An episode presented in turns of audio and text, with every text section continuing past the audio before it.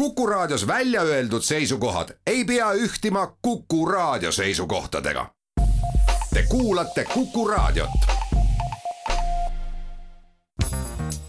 järjejutt. Peter Mill, minu kakskümmend viis aastat Provence'is, kirjastuselt tänapäev. järjejutt.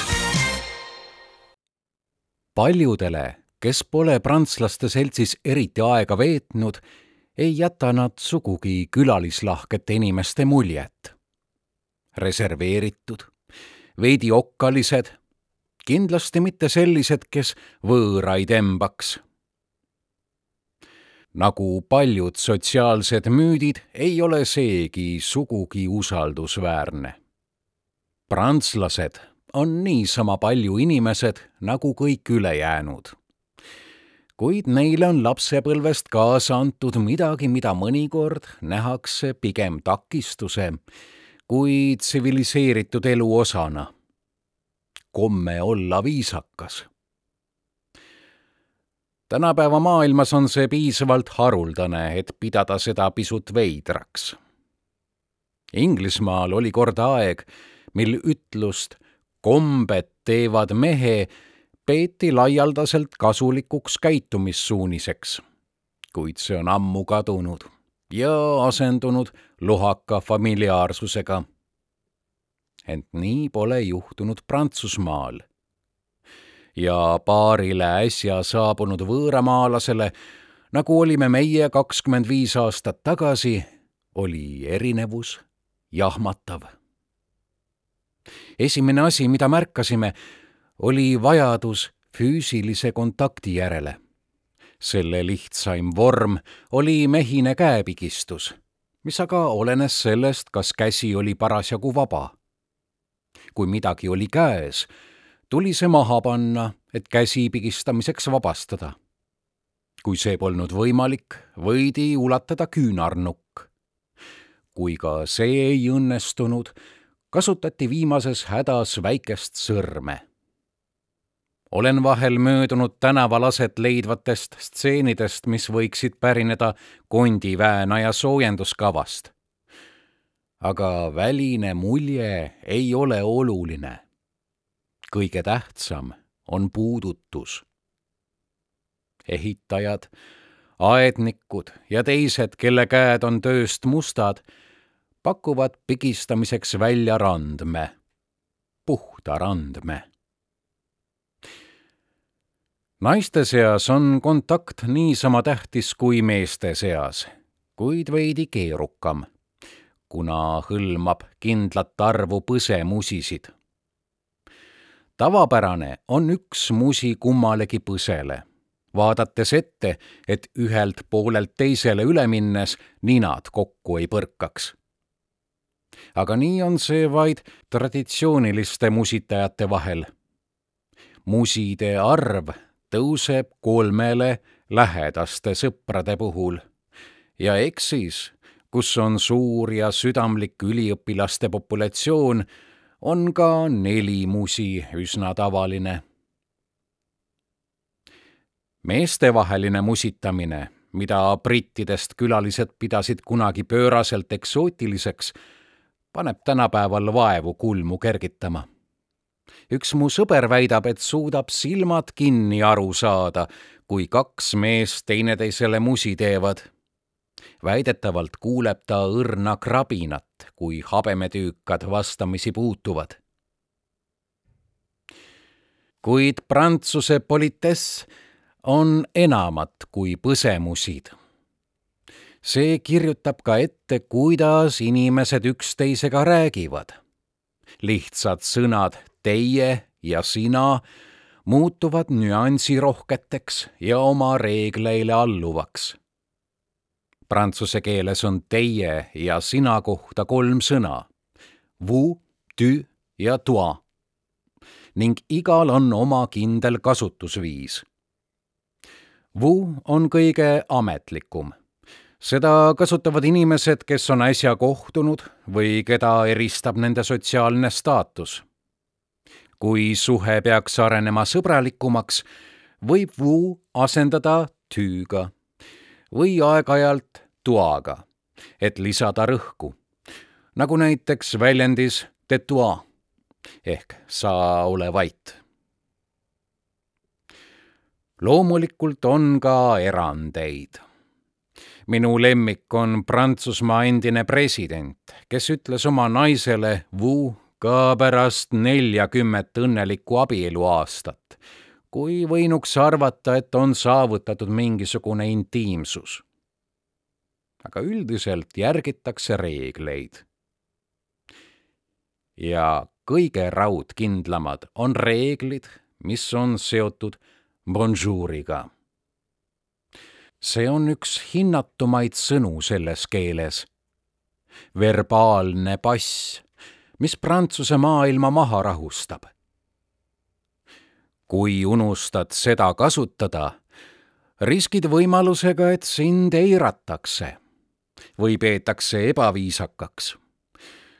või mis vahest hullemgi, ülbeks võõramaalaseks see on isegi üks väheseid sõnu, millel on oma hinnasilt.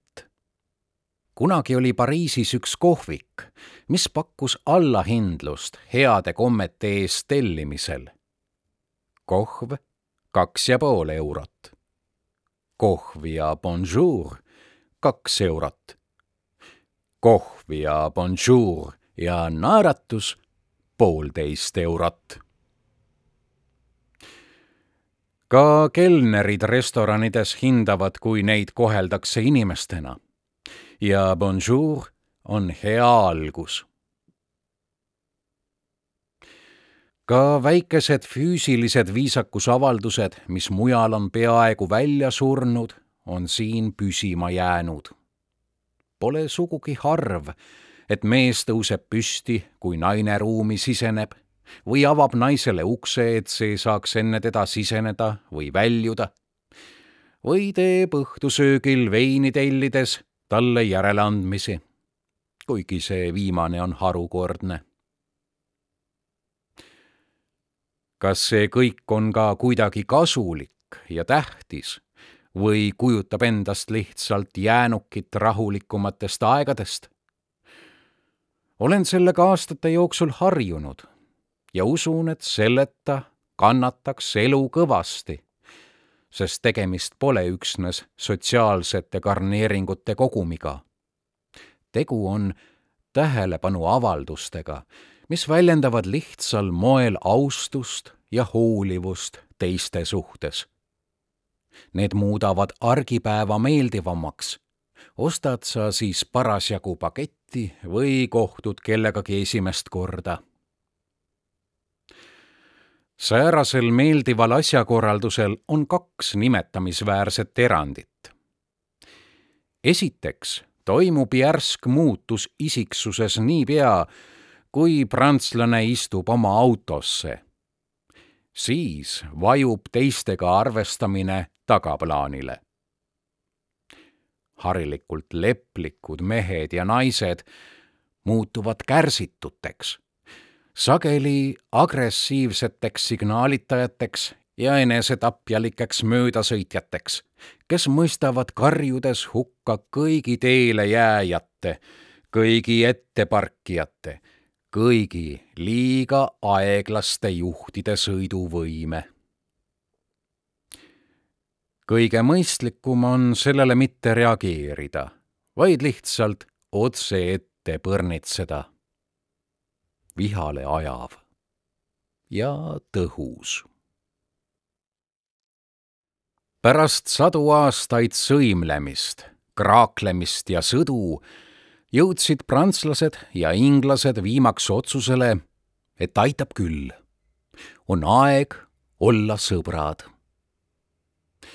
see ajendas sõlmima Entente Cordiali kaheksandal aprillil tuhande üheksasaja neljandal aastal allkirjastatud lepinguid, mis andsid ametliku vormi uuele, sõbralikumale suhtele nende kahe riigi vahel. see toimis.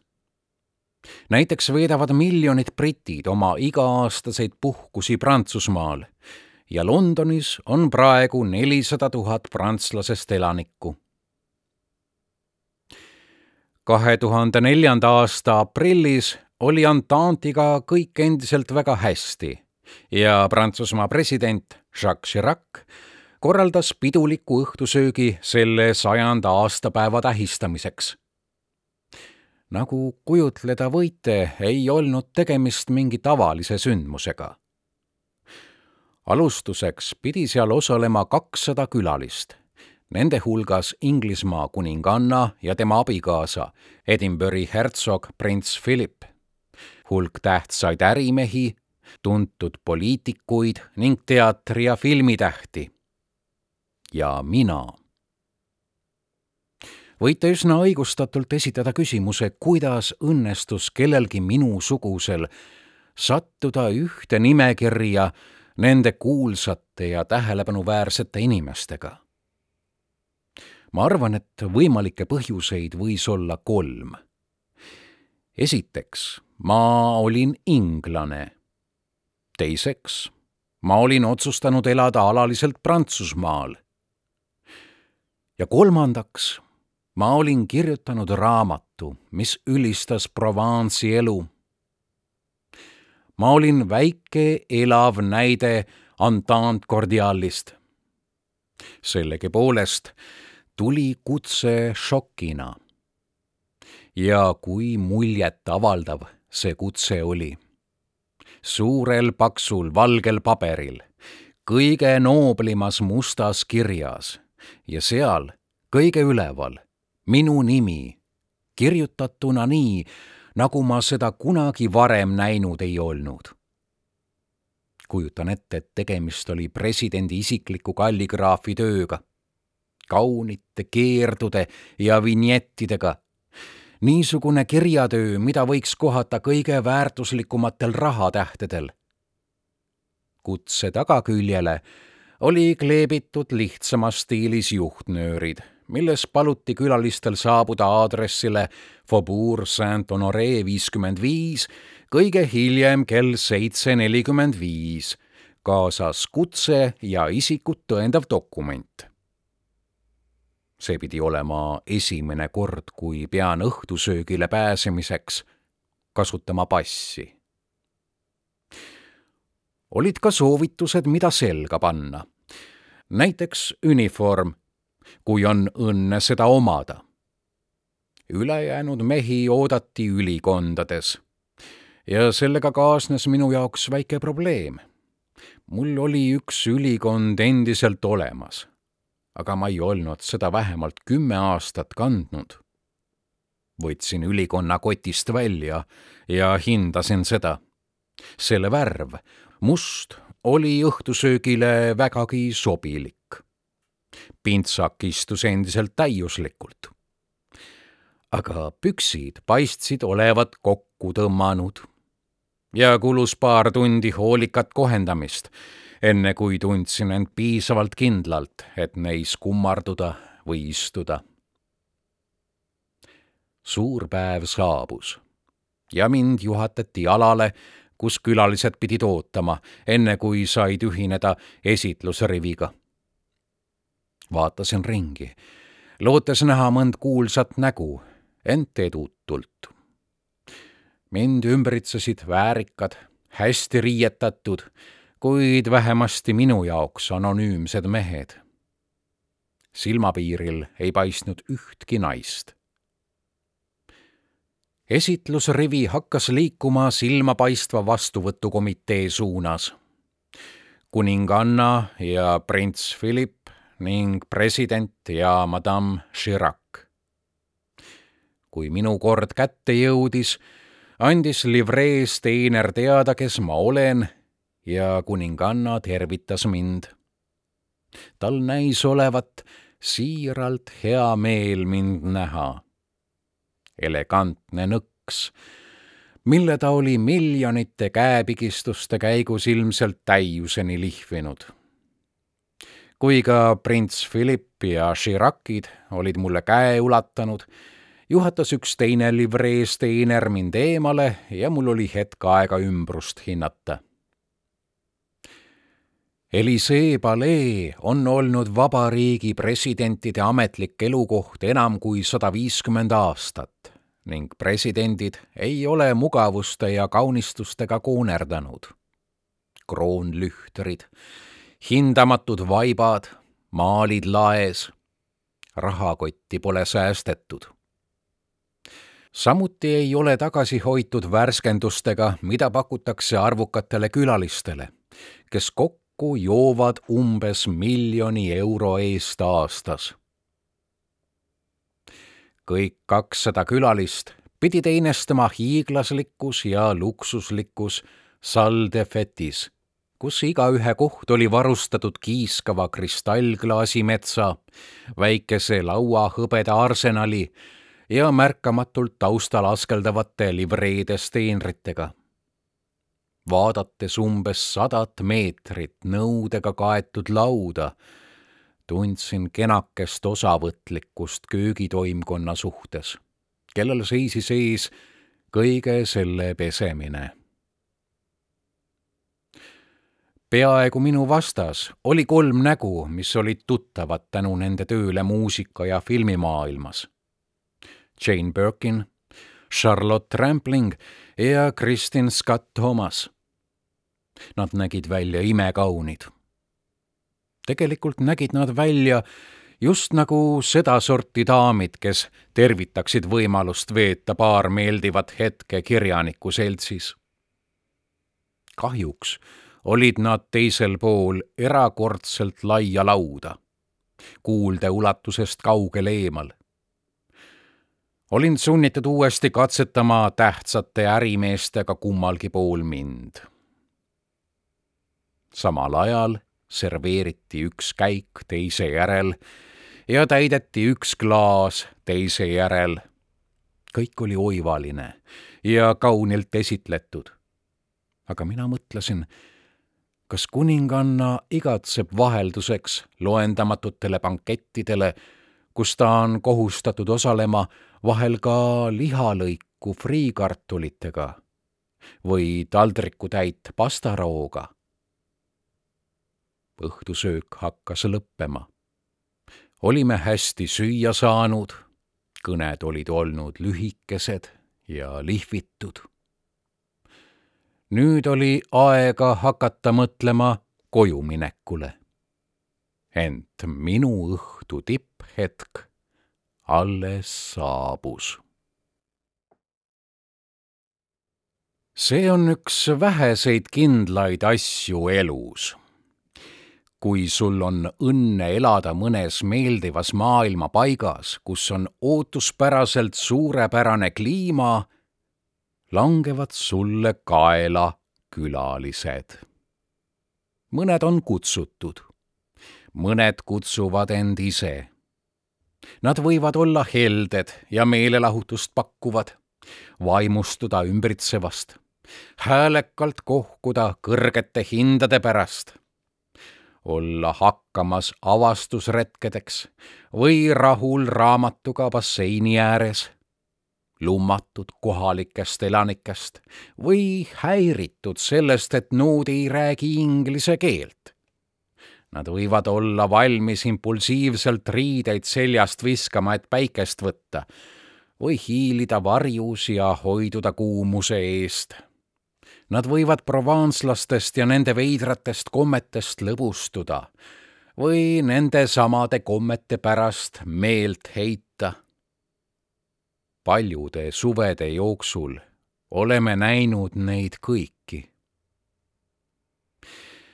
esimesed märgid külastushooajast ilmnevad varakult, sageli juba jaanuaris, kui Inglismaa hall ilm segatuna jõuluaegse liigsöömise järelmõjudega muudab mõtte sinisest taevast ja päikesepaistest vastupandamatuks. meie telefon heliseb. mõtlesin, et helistan niisama ja uurin, kuidas teil läheb. loodetavasti panete talvele vastu, siin on küll paganama kohutav. vaatan aknast välja. taevas on sinine, nagu tavaliselt kui sotsiaalsed viisakused vahetatud, asub helistaja asja kallale. mis teil sel suvel plaanis on? kas juuliks on plaane? meil ei ole juuliks plaane. mitte kunagi ei ole. siis on liiga palav. me liigume aeglaselt, sööme hommikuks imemaitsvaid meloneid, naudime pikki õhtusööke õhtujaheduses ja püsime kodus. ütlen selle edasi. oo, suurepärane sest me sõidame juulis paariks nädalaks rannikule ja tahaksime väga teie juurest läbi astuda ja tere öelda. kogemus on õpetanud, et läbiastumine on paindlik mõiste, mis võib hõlmata üksnes jooke ja lõunasööki või siis suisa mitmepäevast peatumist aga toona olime võimalike külaliste kavatsuste osas veel sinisilmsed ja helistaja, kuigi mitte just lähedane sõber, on aastatetagune tuttav. lepime kokku, et ta helistab uuesti, kui on kuupäeva paika pannud. kuud mööduvad ja jaanuarikuine telefonikõne on juba unustatud. aga siis heliseb telefon uuesti. tere, hakkasime just Lyonist välja sõitma kui liiklus pole väga hull, jõuame lõunaks teie juurde, kas see sobib? küsin kannatlikult ja otsatult lahke südamega Jenilt, kes nõusolevalt pead noogutab. temal on külaliste suhtes filosoofilisem hoiak kui minul. tema peab neid iga-aastaseks loomulikuks nähtuseks, samasuguseks suveosaks nagu palavust kord tegin vea, vihjates, et sama võiks öelda sääskede kohta. ta ei pidanud seda naljakaks.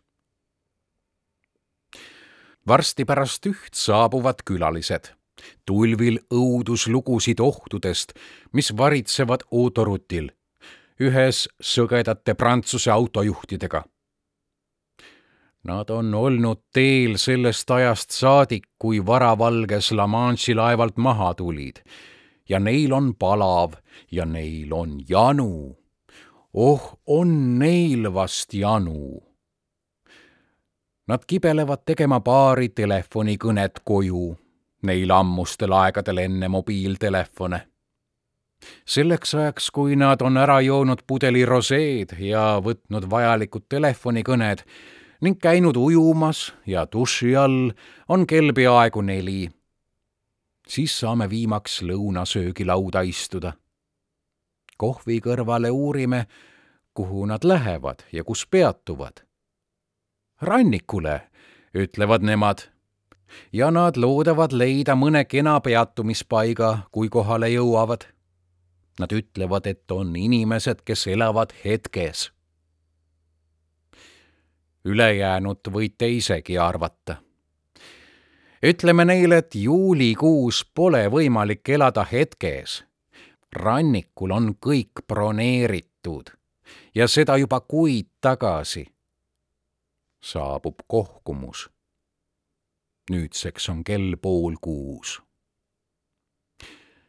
vältimatult jõutakse kokkuleppele, et neil on kõige targem ööseks meile jääda ühest ööst saab mitu. Te võite arvata, et see on ekstreemne näide, aga nii on juhtunud piisavalt sageli, et muuta meid spontaansete külaskäikude suhtes mõnevõrra ettevaatlikuks. Kuigi on aus tunnistada, et enamikku neist oleme nautinud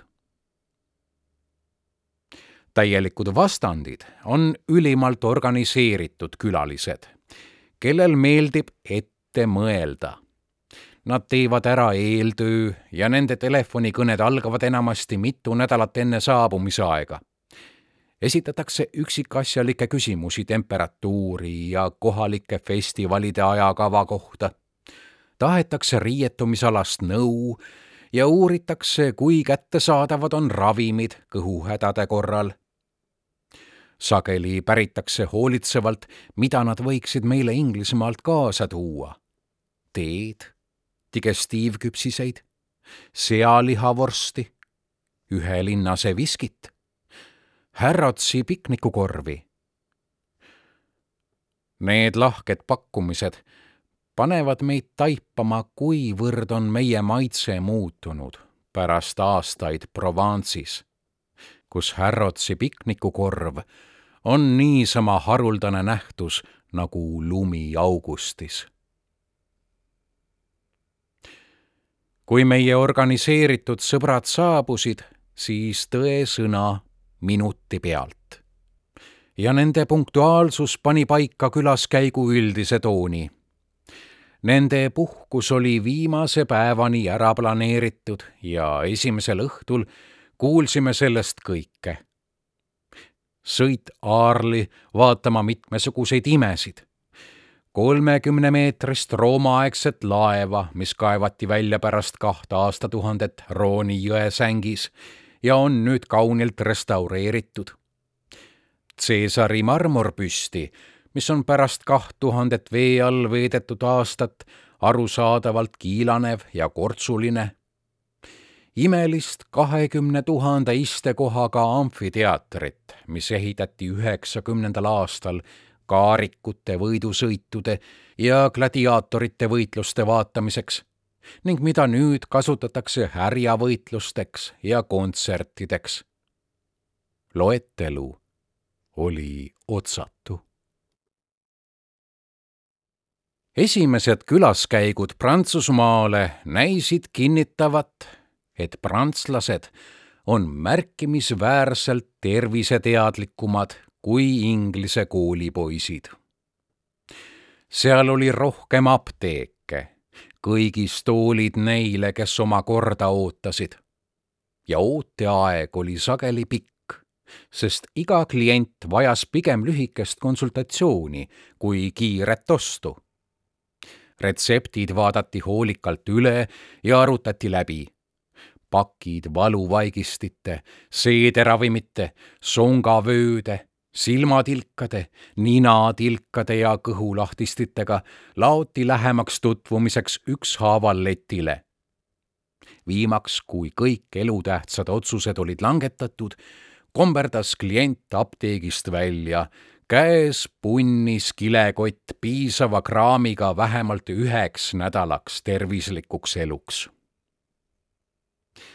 prantslased, kes olid selle rituaaliga harjunud, järgisid seda truult. kuid vaesele teadmatule võõramaalasele oli see mõnevõrra heidutav. mäletan siiani, kuidas esimest korda apteegis käisin. Läksin ostma tuubi hambapastat leidsin selle, võtsin sisse koha ühel vähestest vabadest toolidest ja ootasin ja ootasin ja ootasin. viimaks jõudis kätte minu kord ja ma läksin leti juurde, hambapasta käes. apteeker tõstis selle kõrvale ja küsis retsepti.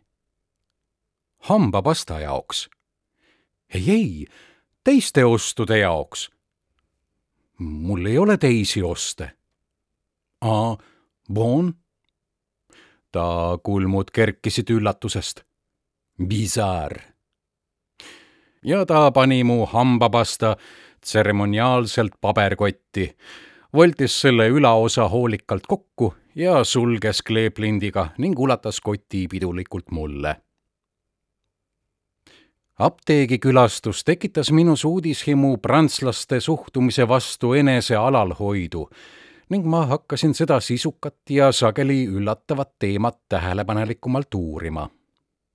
esiteks sain kiiresti selgeks, millised tagajärjed on viisakal huvil prantslase üldise tervisliku seisundi vastu.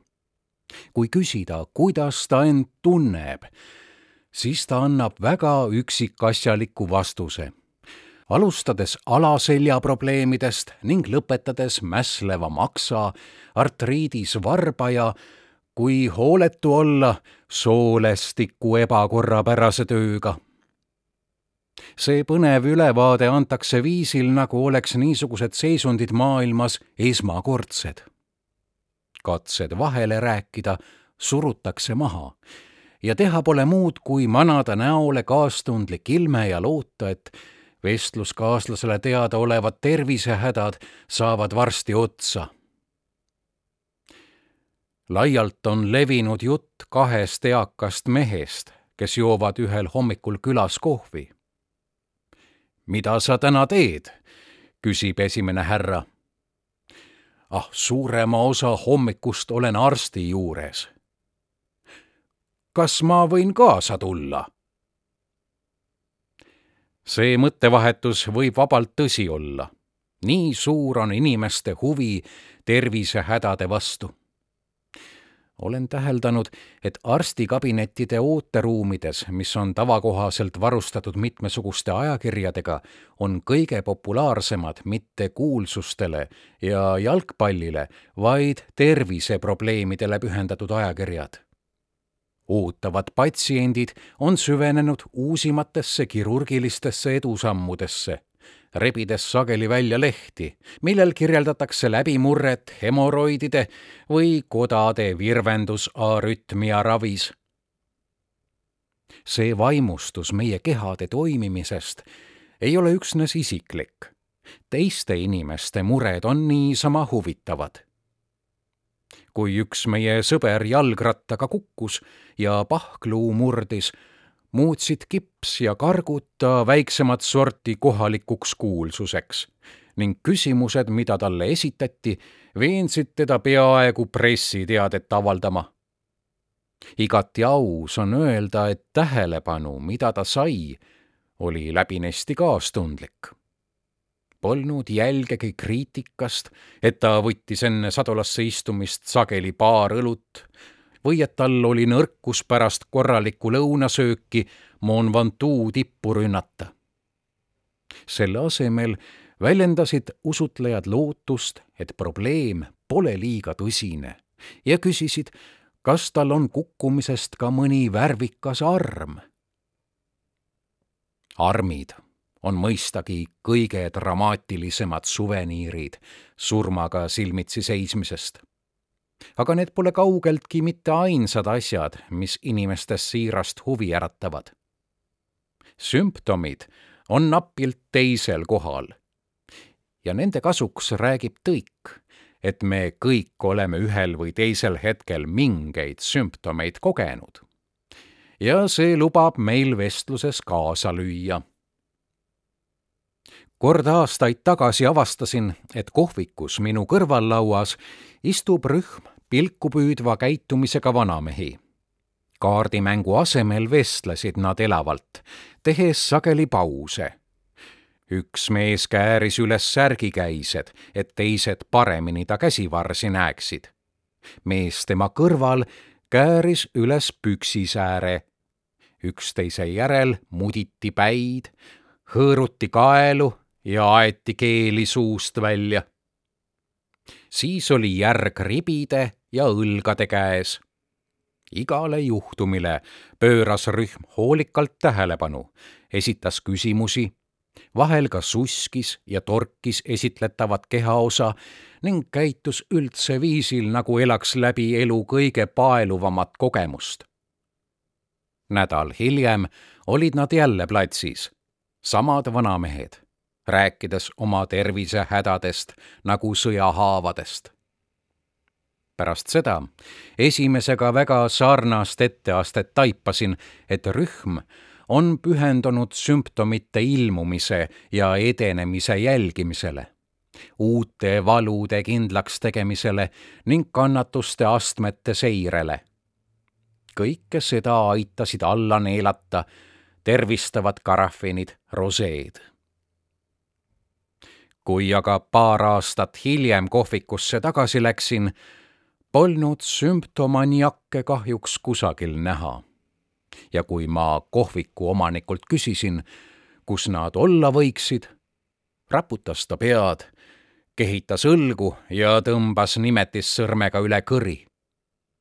puhake rahus.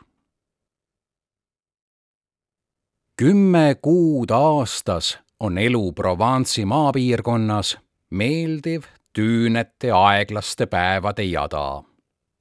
on piisavalt aega nautida kohvikuterrassil sõprade seltsi ja juurelda inimeseks olemise mõtte üle, seltsiks klaas roseed.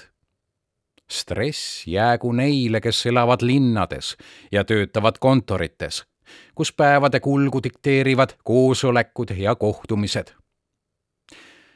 See muutub iga aasta juulis, kui Prantsusmaa kaheks kuuks puhkusele läheb.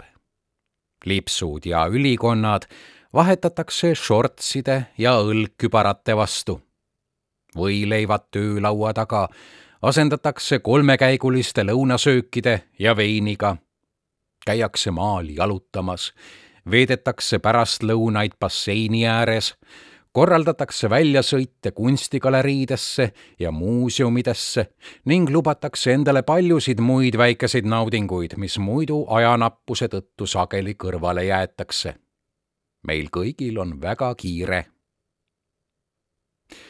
see on rahvusvaheline probleem niisama levinud brittide ja ameeriklaste seas kui belglaste, sakslaste ja pariislaste hulgas.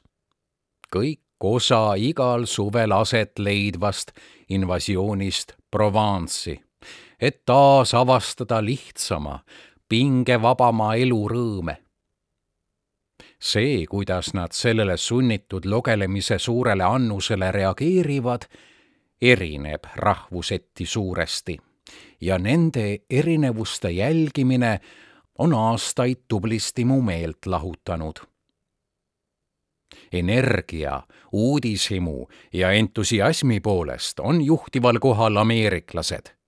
Nende jaoks on Provence väljakutse. Neid võib näha varahommikul kohvikus päevaplaani koostamas kaasas reisiteatmikud ja sageli ka sülearvutid, arutavad nad aegasid ja nende paikade vahemaid, mida soovivad enne lõunat näha ning mõtlevad, kus süüa lõunat ja kuhu minna pärastlõunal. Korraldustöö on põhjalik ja programm sageli võrdlemisi kurnav. aga nad on tulnud kaugelt Philadelphiast ja olgu nad neetud, kui raiskavad sekundigi oma väärtuslikust puhkusest mul on alati tunne, et tagasi Ühendriikidesse jõudes on neil vaja paari päeva taastumiseks. Küsisin hiljuti Monsieur Farikullilt, millised on tema mõtted meie suvisest paljurahvuselisest külaliskonnast. mida ta arvab näiteks mu kaasmaalastest inglastest? tema vastused sellele ja teistele minu küsimustele võtsid suurema osa hommikust üldiselt, ütles ta, on inglased vastuvõetavad, võrdlemisi heade kommetega ja viisakad, välja arvatud siis, kui neil tekib probleeme suhtlemisel kellegagi, kes ei räägi inglise keelt.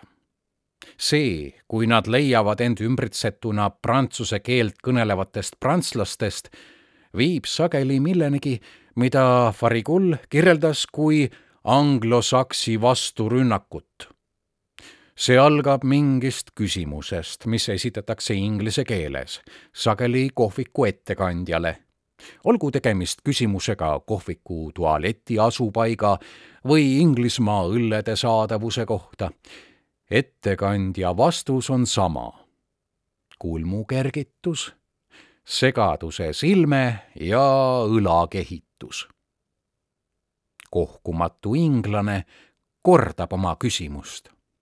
ikka inglise keeles, ent seekord veidi valjemini, siis uuesti veel valjemini.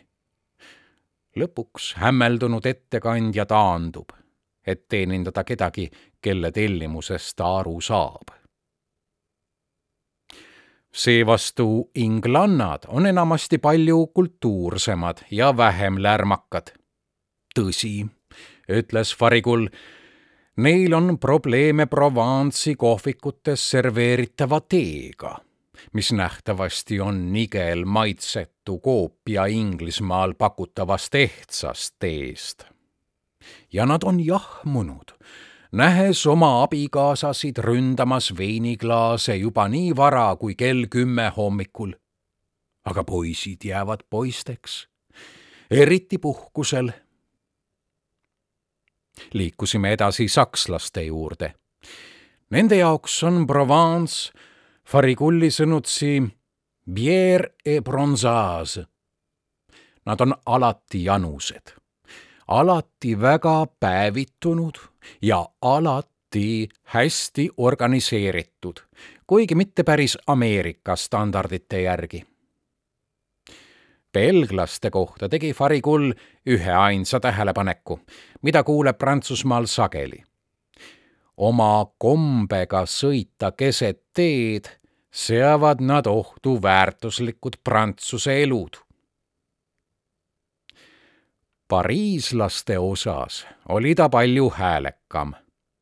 milline ülbus, ütles ta, milline snobism. Nad elavad oma pariislikus mullis ja kohtlevad meid kõiki kui talurahvast. Nad vaatavad meile ülevalt alla, jätavad vähe jootraha, kaeblevad palavuse ja hindade pärast, kritiseerivad meie restorane ma ei tea, miks nad siia tulevad. Nad peaksid jääma Rivierasse. ma ei tahtnud uskuda, et tal tõsi taga on. kindlasti ei ole nad kõik ju nii hullud. muidugi on erandeid.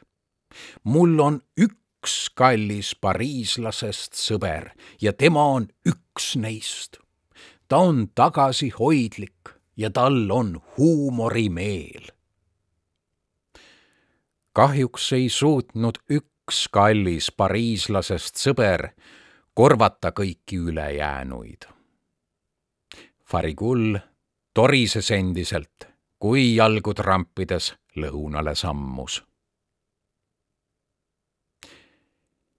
Hiljuti on iga-aastaste välismaiste külaliste nimekirja lisandunud jaapanlased, kelle isegi Farigull heaks kiidaks, kui ta neid muidugi märkaks. ma ei ole nende juures iial täheldanud kohatut käitumist või kuulnud mõnda neist karjumas. kui nad on kohvikulaua ümber koondunud, siis nad siristavad aga muidu on kõige valjem heli, mida neilt kuulnud olen, nutitelefonide kaamerate klõpsatused Nende uudishimulike objektiivide eest ei jää miski peitu. pullimängijad, Molberti kohal küürutav kunstnik, suudlev paar, näpatud paketiga minema hiiliv koer. Neid näib vaimustavat iga külaelu pisiasi. järjejutt.